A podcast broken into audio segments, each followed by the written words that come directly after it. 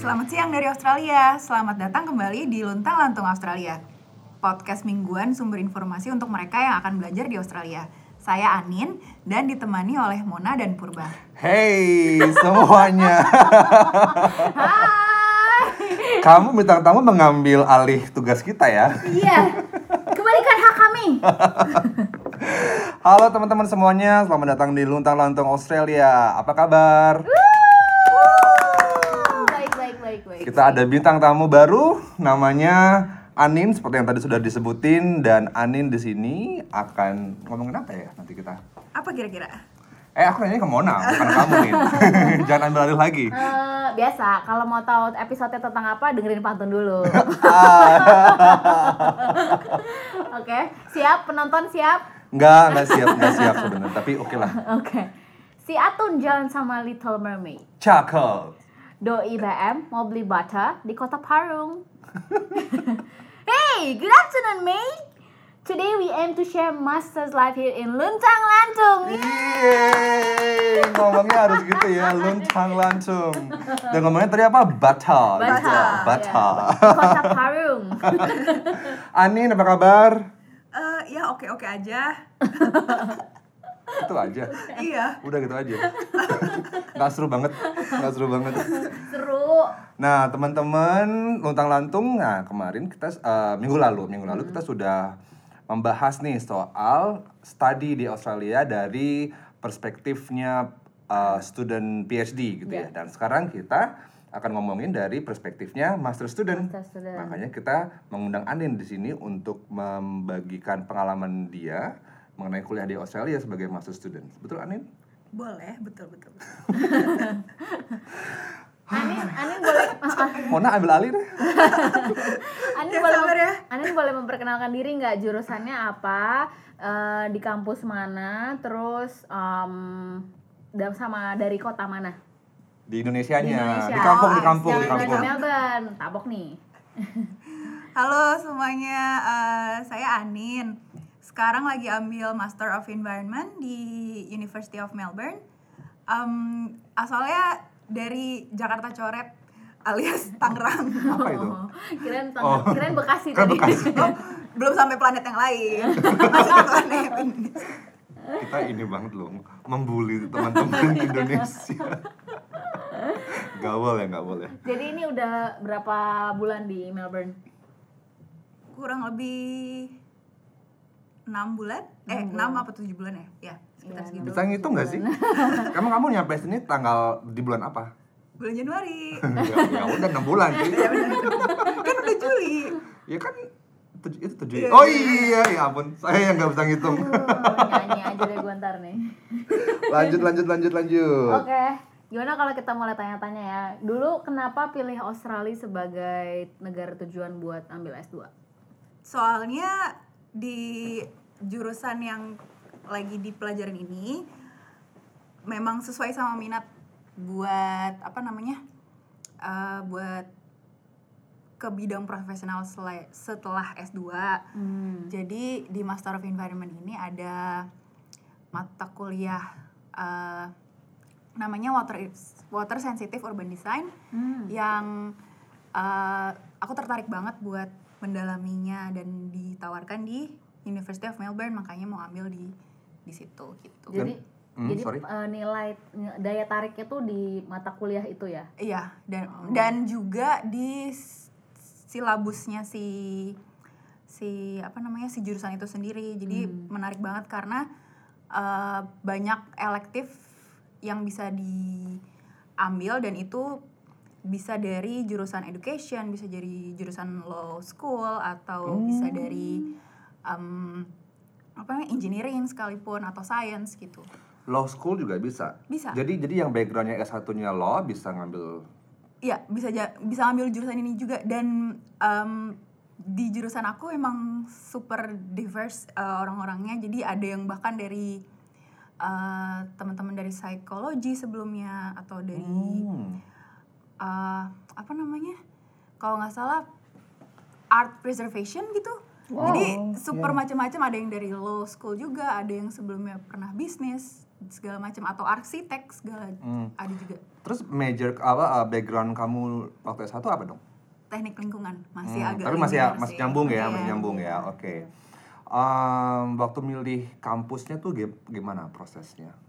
waktu milih kampus dilihat dulu nih beberapa jurusan di di Australia di berbagai universitas terus akhirnya Cara ngeliatnya gimana? eh, oh ke, di Australia ini punya website sendiri. Kayak kita bisa kalau nggak salah Cricos namanya C R O C R I C O S.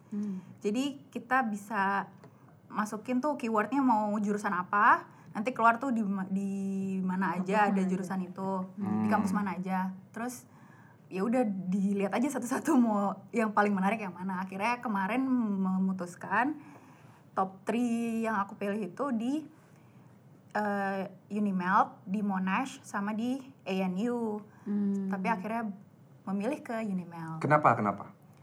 karena itu tadi karena ada jurusan yang spesifik Oh, itu oke. jurusannya uh, diverse banget karena bisa ambil dari berbagai berbagai Walaupun ma- walaupun jurusan itu tadi kan kamu bilangnya itu ada yang di Monash sama di uh, NU ya. Jadi kamu memilih University of Melbourne karena ada mata kuliah yang spesifik ini yang yang tidak ada di tempat lain gitu ya. Oke, Terus- wajar sih ya. Terus Eh, terus so far bedanya dulu S1-nya berarti di Indo kan ya? iya Bedanya dulu belajar di Indo dan di Australia apa? jadi bedanya itu kerasa banget di uh, critical thinking kalau di Australia itu super di encourage untuk bisa berpikir kritis uh, di setiap isu-isu yang didiskusikan di kelas terus kita juga di, dituntut untuk aktif di kelas di sini plagiarism itu sangat amat di uh, discourage. discourage. Bukan di encourage. Iya. Begitu juga dengan collision atau kerjasama. Jadi misalkan ada tugas uh, individu nih, terus tapi kita sebenarnya kita boleh diskusi sama teman-teman sekelas gitu, tapi kalau ternyata konten kita di tugas itu sama antara dua orang, itu kita akan dianggap uh, melakukan kerjasama atau collision itu dan itu nggak boleh juga gitu. kontennya sama eh, tapi kalau misalnya bahasanya beda cara penulisan yang berbeda juga itu termasuk collision ya? Em, mungkin itu akan uh, depend ke uh, judgementnya si lecturernya lagi. Tapi uh, kalau memang dia pasti si judge- uh, si lecturernya pasti bisa ngeliat lah itu kontennya antara dua mahasiswa ini emang bener-bener sama dan kelihatan collisionnya atau enggak gitu. Hmm. pasti nanti ada adjustmentnya lagi gitu. Dan untuk plagiarism juga sama kayak gitu. Nanti uh, lecturernya akan lihat dulu nih uh, segimana sebegi, segimana samanya sih uh, plagiarism yang dilakukan oleh si student ini. Kalau misalkan memang dia ternyata uh, melakukan referencing dari satu dari salah satu jurnal artikel yang memang dia mengquote isinya Sama sampai gitu satu ya. paragraf dan Hmm. emang itu perlu untuk konten di tugasnya ya mungkin itu nggak apa-apa dan nanti ya pokoknya itu akan tergantung sama dosen uh, Dosennya. dosennya Tapi kalau untuk plagiarisme itu dosennya kayak pakai sistem gitu ya katanya. ya namanya turn it in. Dan itu umum dipakai di universitas di Australia sekarang. Jadi itu sistem online di mana kita akan upload tugas kita ke Turnitin namanya.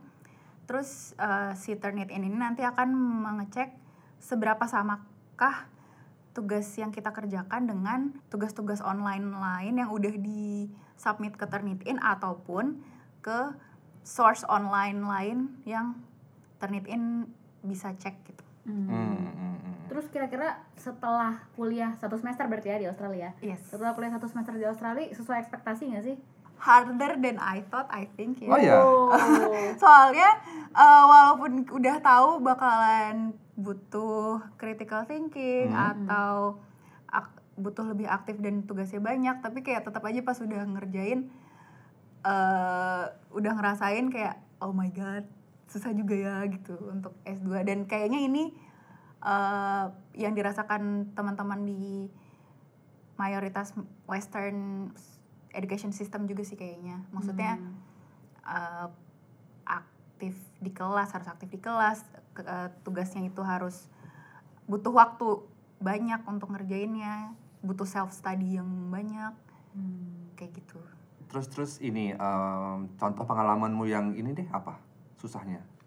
misalkan ada tugas yang deadline-nya deket-deket tuh kayak eh, subjek 1, 2, 3 misalkan hari Senin terus eh, Rabu terus Jumat gitu ya itu tiga, tiga, tiga mata kuliah yang berbeda bobotnya sama mirip-mirip terus disuruhnya 2000 kata 2000 kata 2000 kata gitu misalkan ya harus pinter-pinter Alokasi gimana waktu. alokasi waktunya dari Hmm. sebelum sebelum Dari jauh-jauh dari hari. jauh-jauh hari karena kemarin eh, melakukan kesalahan karena nggak memprepare dengan baik jadi kayak si 2000 itu harus dikerjain dalam cuma waktu dua hari atau tiga hari Wah, sama sama.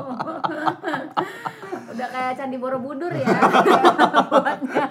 Nah itu kalau boleh tahu ini oh iya candi Prambanan. Borobudur. Siapa siapa bilang Borobudur? Mona.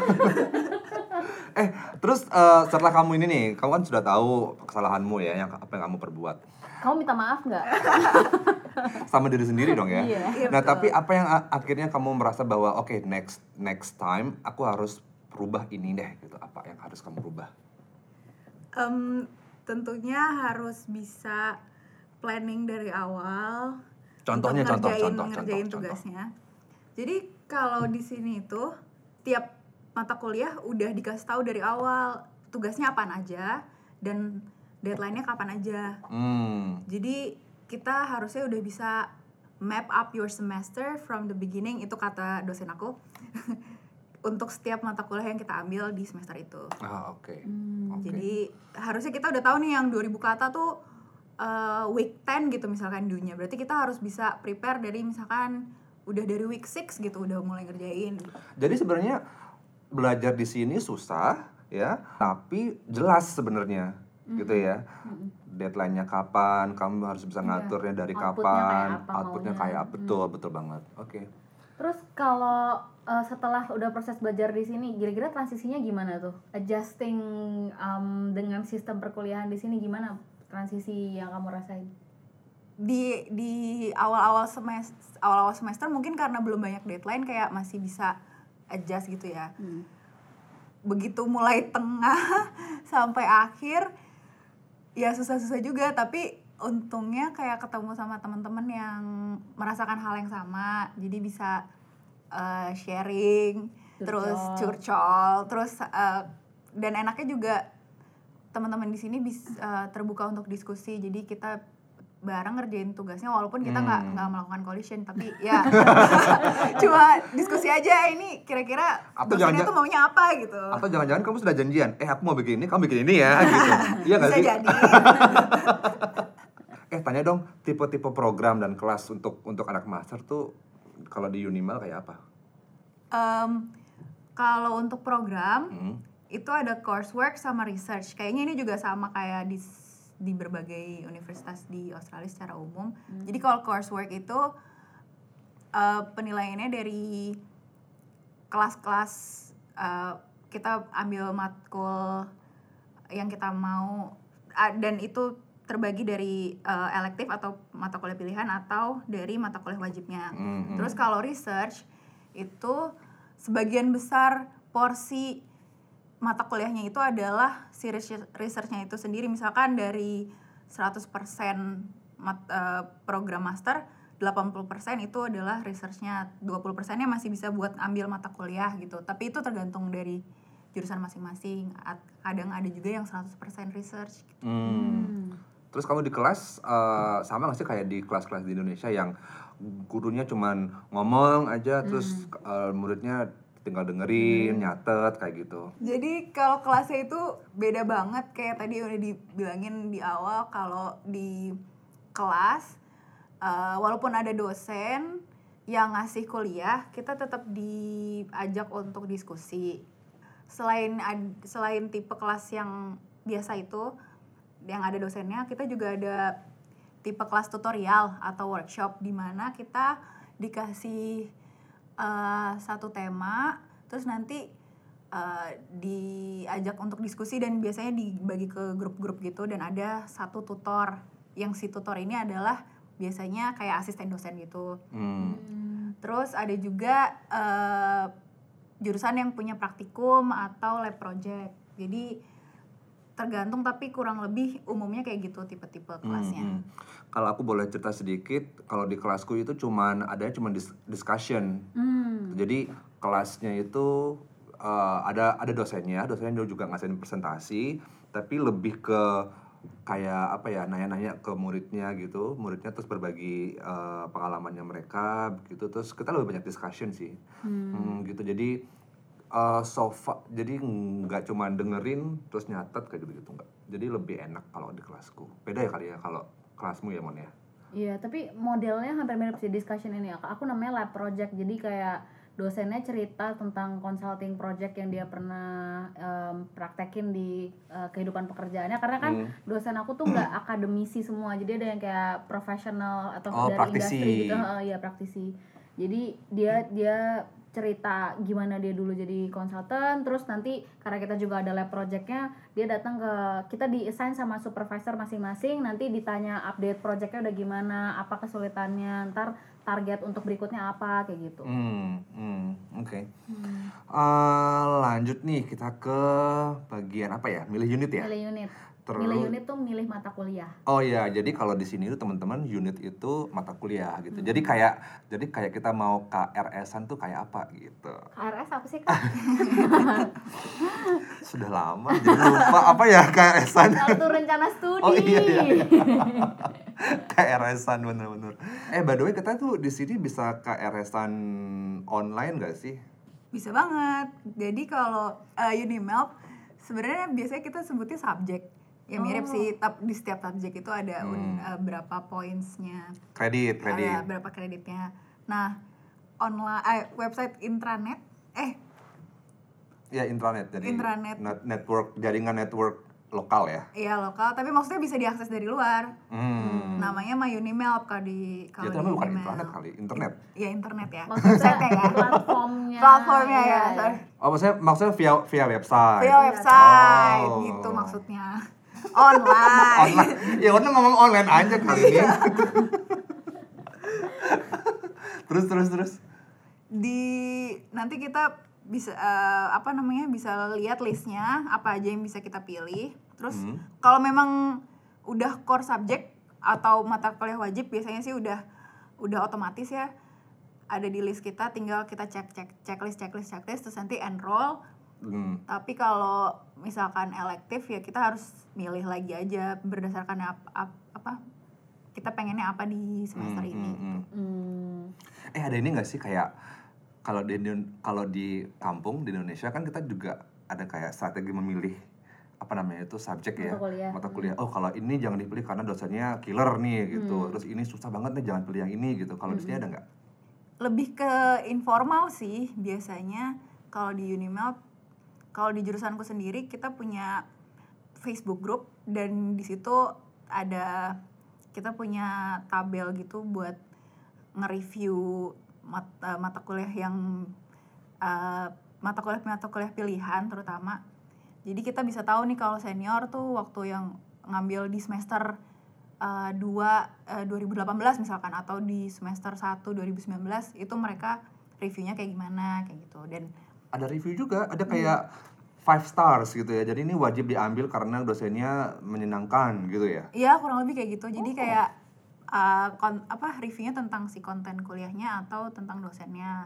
Terus, kamu tahu website itu dari mana oh bukan website Facebook group eh ya sorry Iya. Facebook group ya dari kita ada kayak himpunan mahasiswanya gitu dan si himpunan ini oh jadi ini kelas. ini informal Informal informal aja. dan memang eh, dari jurusan itu gitu ya jadi Iya. nggak semua jurusan ada ya Iya. Kalau di tempatku itu ada yang namanya ini, eh, sebenarnya juga informal juga sih. Jadi senior itu diassign ke beberapa junior sebagai kakak asuh gitu loh. hmm.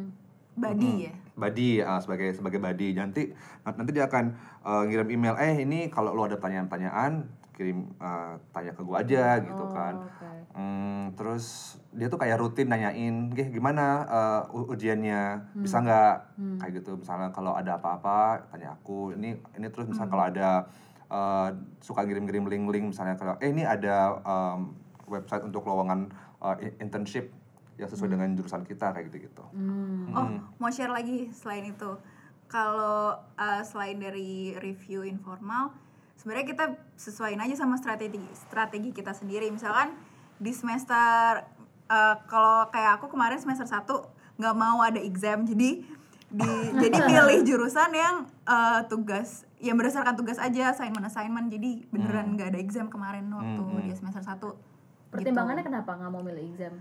Eh takut takut banget karena kayak eh, di sini kan examnya eh, gimana ya Ma- belum tahu gitu eh, sistem exam di sini kayak gimana jadi eh, menghindari dulu di semester satu kemarin jadi oh, jadi kayak mau lihat cek ombak dulu eh, lah ya. betul cek ombak Nah, kamu kan ada ada exam kan? Aku nggak. Oh nggak ada juga ya? Aku assignment Aku juga aku juga nggak ada exam, jadi emang essay semua sih Iya. tugas-tugasku. tergantung jurusan sih Hmm. emang nah emang jurusanku eh, banyak mata banyak elektifnya jadi kita bisa aja sendiri ke tapi beda sama teman-teman yang udah core subject kebanyakan dan itu eh, kadang core subjectnya udah ada examnya jadi ya susah dihindari Eh aku tiba-tiba pengen tanya deh, mungkin nggak sih kalau di sini tuh kita mau pilih subjek tertentu terus ternyata udah penuh? Pernah kayak gitu nggak kejadian? Eh, belum pernah sih tapi eh, di setiap mata kuliah biasanya dia ngasih tahu ada kuotanya nggak di kelasnya gitu Oh, oke. Kalau dia memang most wanted biasanya udah dan kelasnya terbatas biasanya udah ngasih tahu tuh kuotanya berapa 80 kayak atau Tapi misalnya berapa. gini, kan kamu tadi bilangnya ada strategi. Kalau misalnya pas ternyata strategi kita salah, pas kita nyemplung di kelas itu ternyata kayak, waduh ini kayak ini kelasnya ini bukan bukan aku banget nih gitu. Hmm. Mau check out dari kelas ini bisa kayak gitu. bisa Di cancel berarti bisa ya. cancel dan itu ada batas tanggalnya jadi umumnya sih kalau kelas yang semester long itu di dua minggu pertama lah kita bisa ganti kelas tapi Hmm. kalau yang kelas intensif itu cuma bis intensif itu eh, biasanya cuma ada kelasnya itu cuma dalam seminggu dan itu dari pagi sampai malam eh pagi sampai sore dan itu eh, bisa cancelnya cuma di hari kedua kalau nggak salah Hmm. Berarti kalau meng-cancel apakah harus mengganti lagi atau ya udah misalnya satu semester ini cuma bisa ngambil 4 unit misalnya lalu eh, yang satu kita cancel jadi cuma sisa tiga ataukah harus diganti atau ya udah tiga aja nggak apa-apa gitu. harus diganti karena Hmm. sebagai international student kita harus eh, di, di stu- international student di Australia terutama kita harus ngambil full time jadi satu semester itu harus penuh sesuai sama eh, yang diwajibkan di eh, di jurusan kita masing-masing. Oh jadi misalnya kalau tadi yang, yang aku bilang kalau misalnya harus ngambil empat termasuk elektif harus ngambil empat empatnya gitu. Iya. Hmm. Oke oke oke oke. Oke.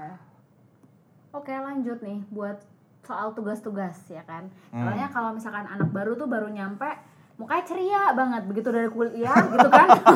Udah beda. Bener sama jadi kayak kayak kayak aku juga eh, jadi hura-hura dulu hura-hura hura-hura lalu pas sudah dua minggu udah assignmentnya sudah mau due baru ya aduh deh Huru hara. huru hara benar huru hara Siklusnya menurun ya. siklusnya menurun jadi nggak jadi jarang keluar sosial media dimatiin notification dimatiin Tapi gitu. Netflix tetap hidup. itu kalau itu wajib supaya jadi ada break in between Iya. iya. Breaknya dua jam ya. Satu film. breaknya dua jam satu film makan setengah jam tidur dua jam Habis sehari. kapan belajarnya Oke. gimana nin kalau untuk assignment di sini Hmm. Jadi assignmentnya itu macam-macam, tergantung jurusan, eh tergantung mata kuliahnya juga. Tapi secara umum itu ada individual assignment atau group assignment, terus essay atau terus paper, terus business report, ada quiz, ada exam. Nah examnya bisa ada mid exam, ada final exam, atau juga bahkan bisa uh, e-exam Hah? atau apaan tuh jadi kita ngerjainnya secara online. eh, jadi bisa kerjain dari rumah tergantung sih.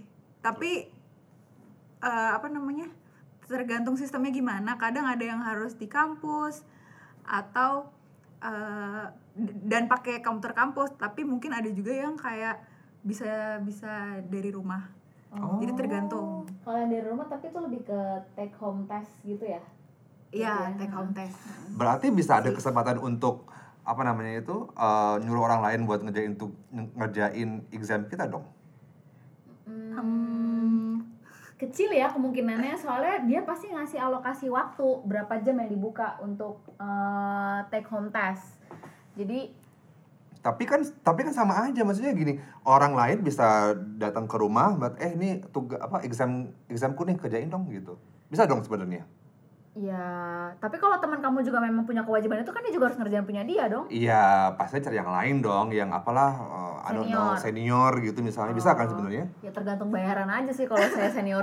Pertanyaannya adalah bisa kan sebenarnya? Bisa, kan bisa, ya? bisa, Oh. bisa aja bisa.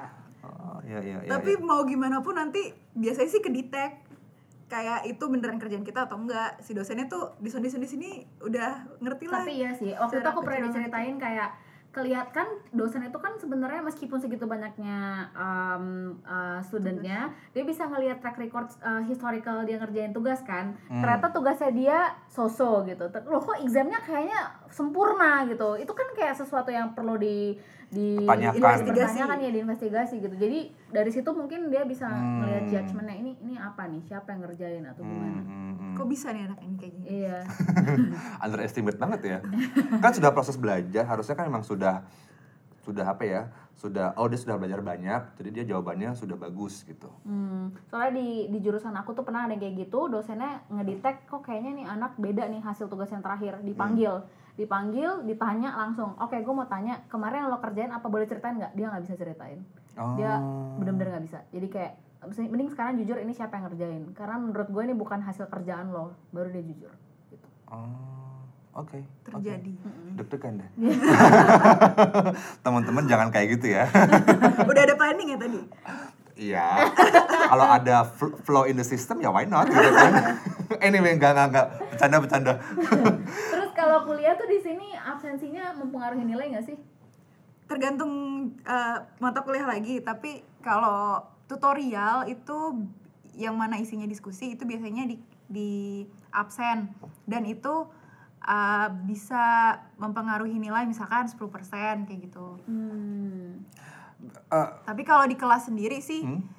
biasanya nggak di maksudnya kelas uh, lecture ya biasanya sih nggak di absen dan itu di record di sini jadi kita bisa Hmm. nge ngecek bukan ngecek apa ya kita bisa nonton lagi lecturenya di lain waktu Hmm. misalkan kita sakit nggak datang ke kelas atau kita ada keperluan lain nggak bisa datang ke kelas kita bisa ngecek tuh Hmm.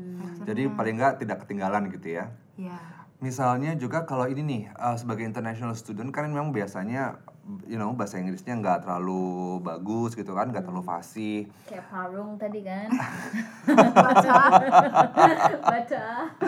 Terus eh, apakah ada support system nggak sih gitu untuk mereka yang bahasa Inggrisnya nggak nggak fasih ataupun juga misalnya buat eh, mereka yang tidak terbiasa untuk bikin essay yang panjang yang yang 4000 kata terus tiba-tiba harus ada essay yang panjang gimana tuh ada support system gak itu dari kampus?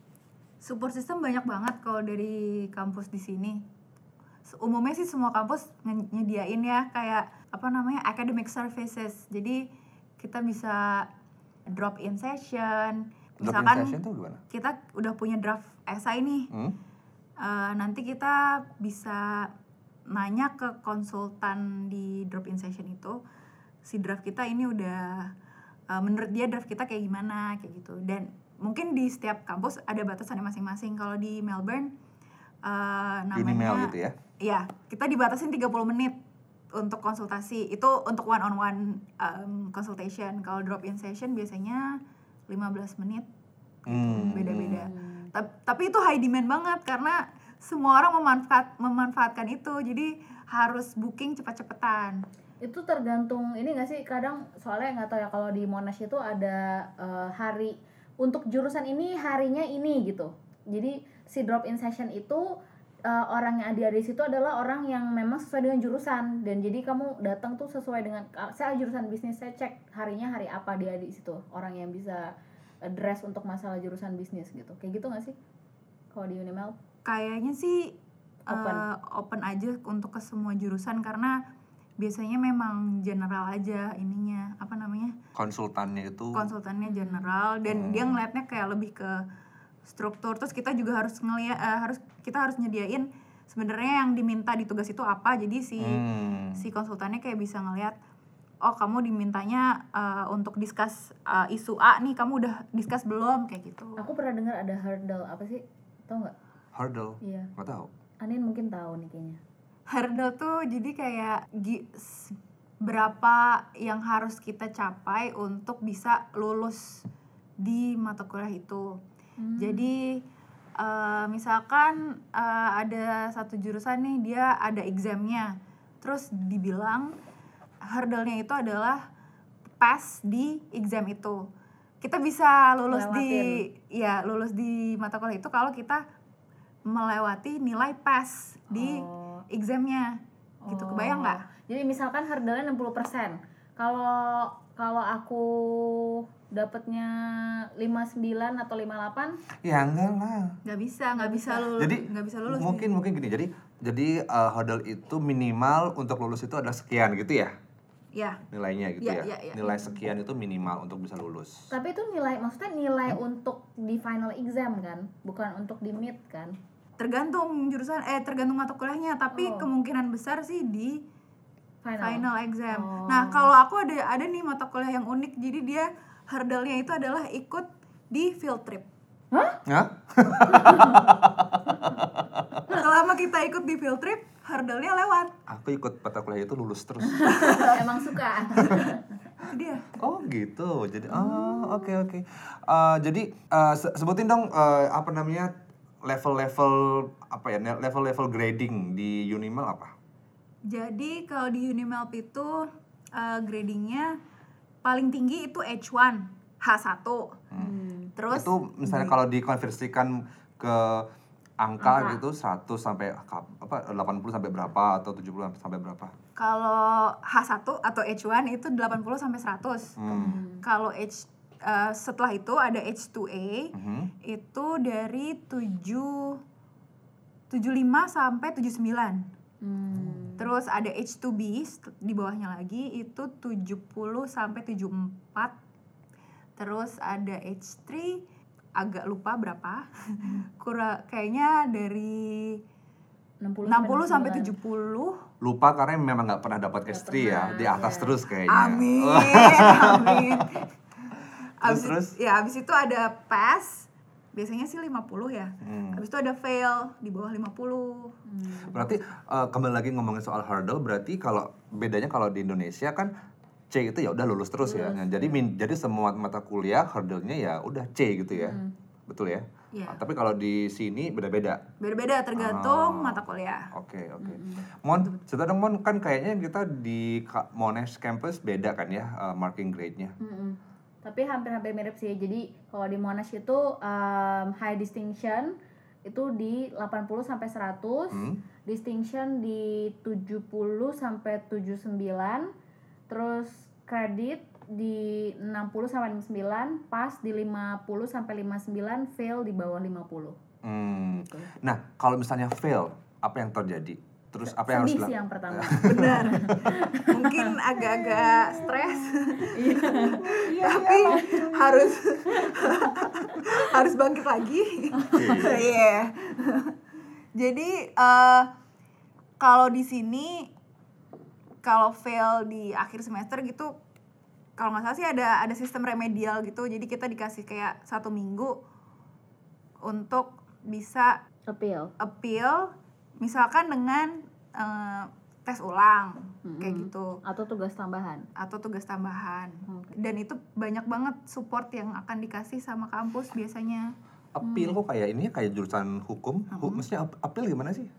appeal tuh lebih ke misalkan kayak kamu udah dapet nilai nih kalau kayak aku ya aku eh, pengalamanku eh, kamu udah dapet nilai assignmentnya udah dapet feedback terus kira-kira dari feedback kebayang nggak nilainya kayak kira-kira segini lah gitu tapi Hmm. menurut kamu kayak loh aku udah address uh, apa yang ditanya aku address semua dan menurutku apa yang ku jawab itu Hmm? cukup dalam dan limit dari word countnya udah pas gitu harusnya nggak kayak gini feedbacknya kenapa kayak gini Hmm. jadi aku akan nanya kenapa kamu bilang aku nggak ada bagian ini padahal aku jawab bagian itu dengan ini ini ini ini gitu Berarti appeal tuh bukan bukan remedial dong sebenarnya ya. Jadi appeal itu lebih ke ini aku nggak setuju nih harusnya nilaiku lebih tinggi dari ini. Hmm. Tapi kalau tapi kalau remedial emang udah sadar bahwa kamu uh, kurang dan kamu fail di sana terus kamu ada tambahan tugas atau apa gitu. Bel- sebenarnya belum pernah dengar juga sih kalau mekanisme appeal ini di Unimelt. Eh, tapi Berarti cuma kalau di Monash yang ada ya? kalau kalau misalkan mau diskusi tentang feedback tugas itu memang biasanya dibuka aja Hah? ke eh, maksudnya dosen akan membuka kesempatan itu biasanya di set- setelah mereka memberikan feedback dari assignment kita Hmm, hmm, hmm, maksudnya nggak ada waktu khusus di akhir gitu kalau kalau yang aku tahu karena mungkin aku nggak ada exam ya semester Hmm. ini jadi nggak nggak tahu mekanisme ini gitu Apalagi nih, apalagi, apalagi? hmm, Kalau gitu ini langsung kita ke tips dan triks aja. iya Apa nih? Tips dan triksnya. tips and trick belajar di Australia. Em, jadi eh, kalau untuk master dan PhD, pokoknya kita harus banyak baca scientific article. Jadi kalau waktu itu aku pernah dikasih saran satu artikel per hari, gila. Belum pernah dilakukan sih sampai saat ini. Cuma maksudnya itu saran yang cukup bisa ini, di ini artikel esin kayak jurnal ya jurnal jurnal Satu artikel, Artikel. satu hari. Reading list gue minimum tiap satu pertemuan 8 dibaca aja satu udah alhamdulillah Seniorku malah bilang kayak gini sih. Dia bilangnya baca introduction and then baca paragraf Oh, terakhir. iya, iya. Udah, Iya, itu iya. sudah kayak mencakup semua gitu. Tapi itu pun juga tetap aja tetap Tetap juga aja, kayak iya. bolong-bolong juga sih. Iya. Bener-bener kayak kemarin. Tadi malam sebenarnya aku ada tugas. Padahal itu tugasnya cuma 200 sampai 300 kata ya. Baca introduction tuh kayak aduh, kayak you know like such a drag gitu loh bacanya kayak aduh males banget gitu. Ya kan? Apalagi baca satu artikel. aku punya saran untuk kamu kak ingat kembali apa yang menunjukkan kamu patut menjadi penerima beasiswa AAS di sini luar biasa saya mau pulang, saya mau pulang, saya mau belajar. Dadah teman-teman. Oke, banyak baca em, scientific article. Itu yang pertama. Yang kedua tipsnya apa? mengetahui bahwa tugasnya itu high demand di sini jadi kita nggak boleh uh, procrastinating Hmm, bener banget tuh. tugasnya. Bener banget. Apalagi tadi kamu sudah bilang bahwa semua uh, requirements di mata kuliah itu sudah ada ini ya sudah disebutin di, di awal ya. betul betul Dunia kapan, tanggal berapa, persentase nilainya berapa, kayak gitu-gitu ya. Jadi harusnya sih idealnya kita udah bisa merencanakan dari awal semester jadi kalau misalkan mau ada jalan-jalan tuh kita harus udah udah disesuaikan juga tuh sama sub- submission assignment kita biar cocok biar nggak eh, assignment tetap bisa dikumpulin jalan-jalan tetap tetap Jalan. bisa terjadi Hmm. Tapi kamu kalau dalam menjalankan eh maksudnya kayak mapping untuk eh, mengerjakan tugas tuh kayak ada ini gak sih em, apa ya emang planning oke hari ini berapa jam buat belajar? Sisanya terserah gitu atau gimana? Gimana cara kamu em, scheduling sehari-hari untuk bisa ngerjain tugas? Tergantung orang. Kalau aku tipenya eh, night owl jadi suka burung hantu. suka be- suka begadang jadi baru bisa ngerjain malam-malam. Terus tidur pagi bangun siang. Hmm. Kuliah ada juga itu kalau lagi nggak kuliah maksudnya. Tapi ada juga yang dia ngerjainnya pagi nih. Hmm, aku tuh. Jadi lebih baik karena karena morning emang person. sebenarnya sih bukan morning person tapi lebih ke lebih bisa belajar di kala siang. oh. Mata ada ada sinar matahari. Maksud itu gini jadi aku merasa lebih baik tidur lebih awal dan bangunnya pagi gitu. Jadi paling tidak waktu tidur itu terpenuhi 7 jam. Itu yang sehat sih yang tapi itu benar harus begitu sih. Itu yang sehat Iya, yang benar. Iya. Iya. jadi eh, kalau misalnya begadang itu kan kayak ngantuk-ngantuk gitu kan. Jadi kayak sama aja yang kayak nggak masuk juga di otak gitu. Iya. emang punya otak? Ya ada di nasi padang. Lanjut. Eh, terus mau nambahin aja sedikit. Kalau di Australia itu library-nya kece-kece. Jadi kayak kalau misalkan mau ngerjain tugas untuk di rumah mendingan ke library di kampus. Kayak internet ada boleh makan boleh bawa tas. Nggak usah ribet-ribet nitip tas dulu. Jadi dan dan pemandangannya tuh bagus-bagus taman kayak gitu-gitu. Jadi kayak kita relax Oh. sambil ngerjain. Kalau aku malah berbeda ya, aku malah lebih nyaman untuk ngerjain di rumah. Karena ini sih memang preferensi masing-masing gua gua ya preferensi, tapi kalau menurut teman-teman naruh laptop di tempat umum kan berbahaya begitu kan ya, bisa dicolong atau apa gitu. Eh, itu pertama, takut dicolong laptopnya kalau misalnya kita keluar buat ke toilet gitu. Yang kedua ngerjain di rumah karena bisa sambil tidur-tiduran. Ya kan leyeh-leyeh gitu. Terus misalnya mau break sebentar ngambil kopi atau ngambil apa gitu di di dapur jadi deket gitu. Kalau misalnya kita ke kampus kita mesti bawa semua ya makanan-makanan yang kita punya Iya. gitu kan. Logistiknya ribet sih. Logistiknya ribet, heeh. dan dingin juga kan kalau keluar tuh kayak males gitu. Iya benar-benar. Mm-mm. Tapi aku eh, sebenarnya aku bisa dua-duanya, bisa di perpus sama di rumah. Tapi aku ngerasa emang kayak kalau di rumah tuh banyak distraksi malah. Itu bisa tidur, bisa macam-macam. Bener juga Iya, sih, kalau itu di kalau di library tuh ngeliat orang mereka pada ngerjain ya kan. Terus jadi kayak oke, aku malah lebih Oh ada bisa oh ada peer ada peer pressure. Iya iya kayak Lebih terpacu semua ya. orang ngerjain oke tiga jam ini kelar. Eh. Kelar bener. Ah. Introductionnya doang. Tiga jam lu bikin introduction cuy. iya. Buset. Kan aimnya untuk tugas HD dong. emang terlihat ambinya. Oke, itu yang kedua ya, buat jangan jangan procrastinating. Yang ketiga apa nih?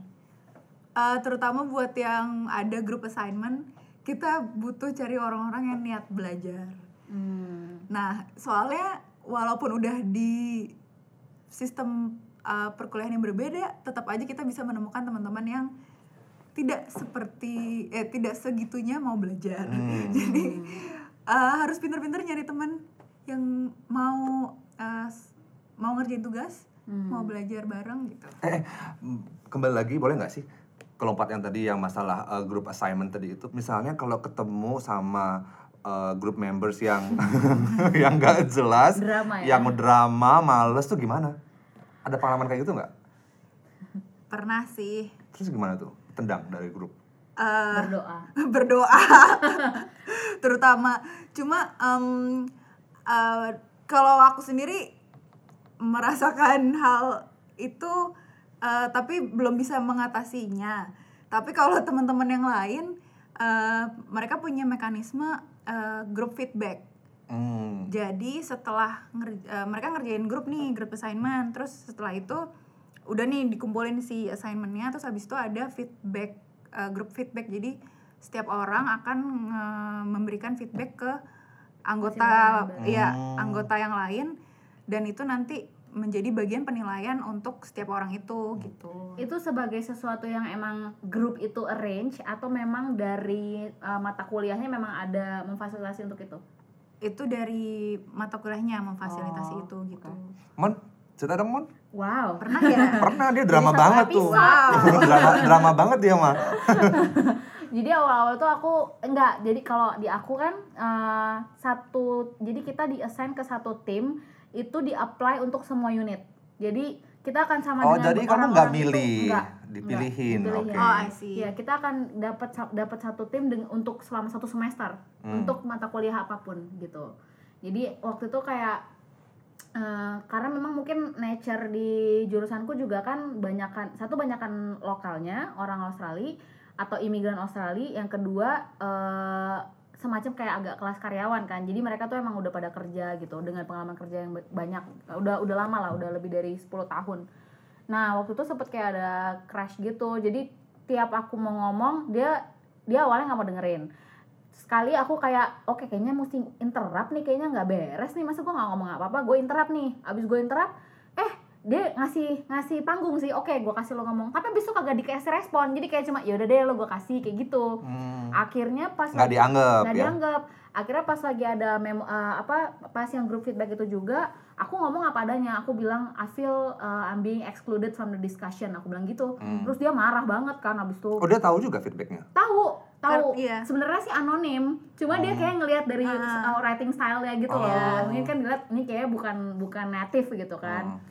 Terus iya, karena biasanya si feedback itu akan dikembaliin ke orang yang masing-masing. Iya, Oh. kelihatan. Terus kayak gitu dia nye- apa ngececer gitu kan kenapa kamu ngomong kayak gitu? Sampai mau minta apa ngomong one to one terus orangnya cewek kan orangnya mah agak-agak emosional gitu. Jadi akhirnya aku pikir kayaknya nggak beres kalau cuma one on one gitu. Akhirnya aku ngadu duluan ke dosen. Aku ngadu duluan aku bilang menurut aku aku nggak ada masalah. Kan disuruh ngasih feedback. Ya aku ngasih feedback Anas. Emang begitu kenyataannya. Dan itu yang aku rasain bukan aku doang. International student lain ada yang ngerasain hal yang sama gitu Hmm. jadi dalam satu kelompok tiga orang lokal dua orang internasional Hmm.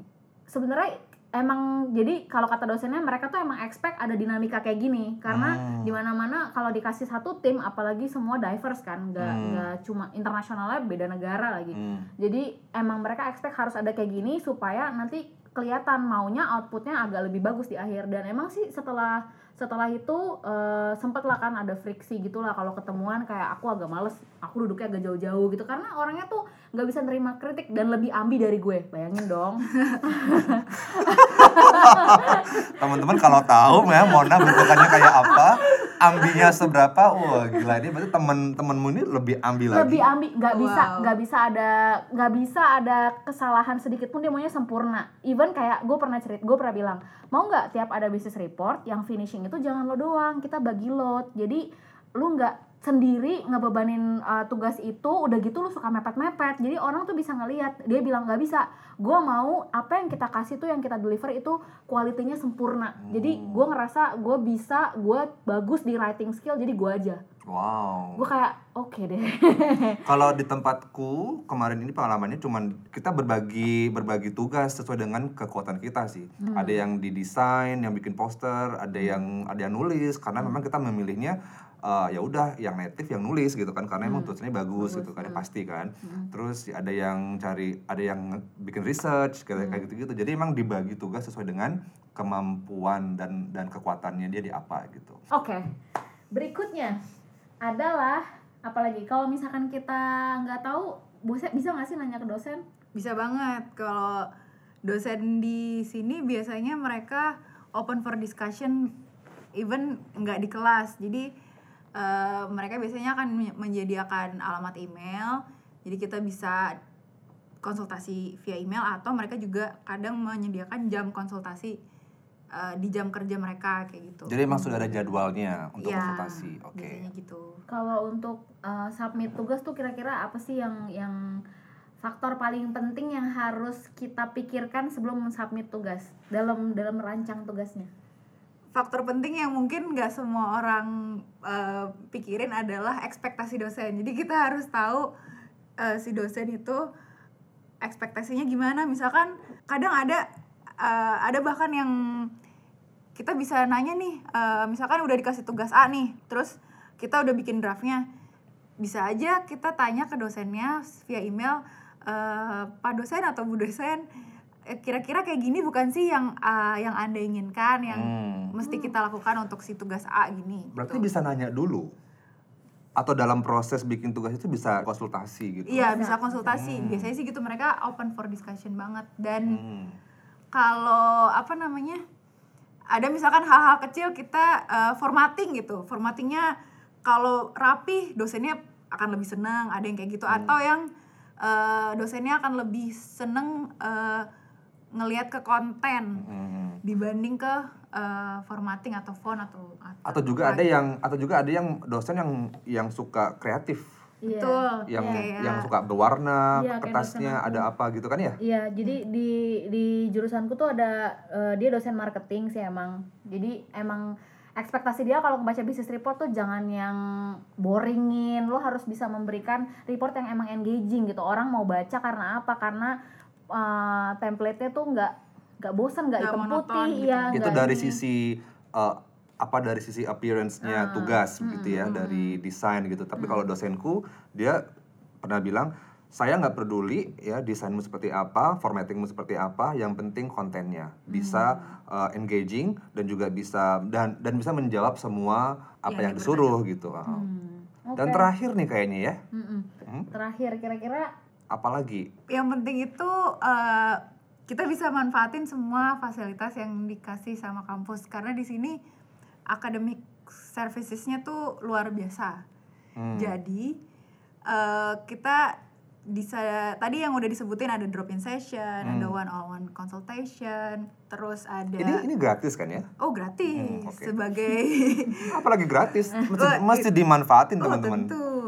Jadi eh, sebagai student kita udah apa namanya udah dapat it- itu hak kita untuk mendapatkan service-service itu gitu. Jadi harus dimanfaatkan dan itu kalau di Unimap sih ceritanya Hmm. itu apa namanya high demand banget jadi harus harus booking cepet-cepetan gitu. Jadi kita mau mengucapkan terima kasih dulu buat Mbak Anin. Sama-sama. Iya, makasih Senang buat sudah waktunya. menjadi eh, Bagian sudah dari- bagian dari lentah lantung Australia.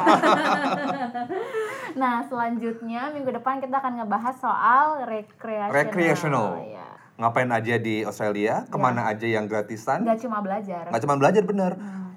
Hura-hura penting, ya kan? Eh, cari pacar Cari penting pacar. supaya nggak belajar masak. Bela- belajar masak bener. Cara cara mengirit gitu ya. Selain itu kerja dong. Ngasilin duit gimana Bisa caranya? juga. Iya. Oke, dan itu di episode selanjutnya. Iya. Sampai jumpa teman-teman. See. Dah.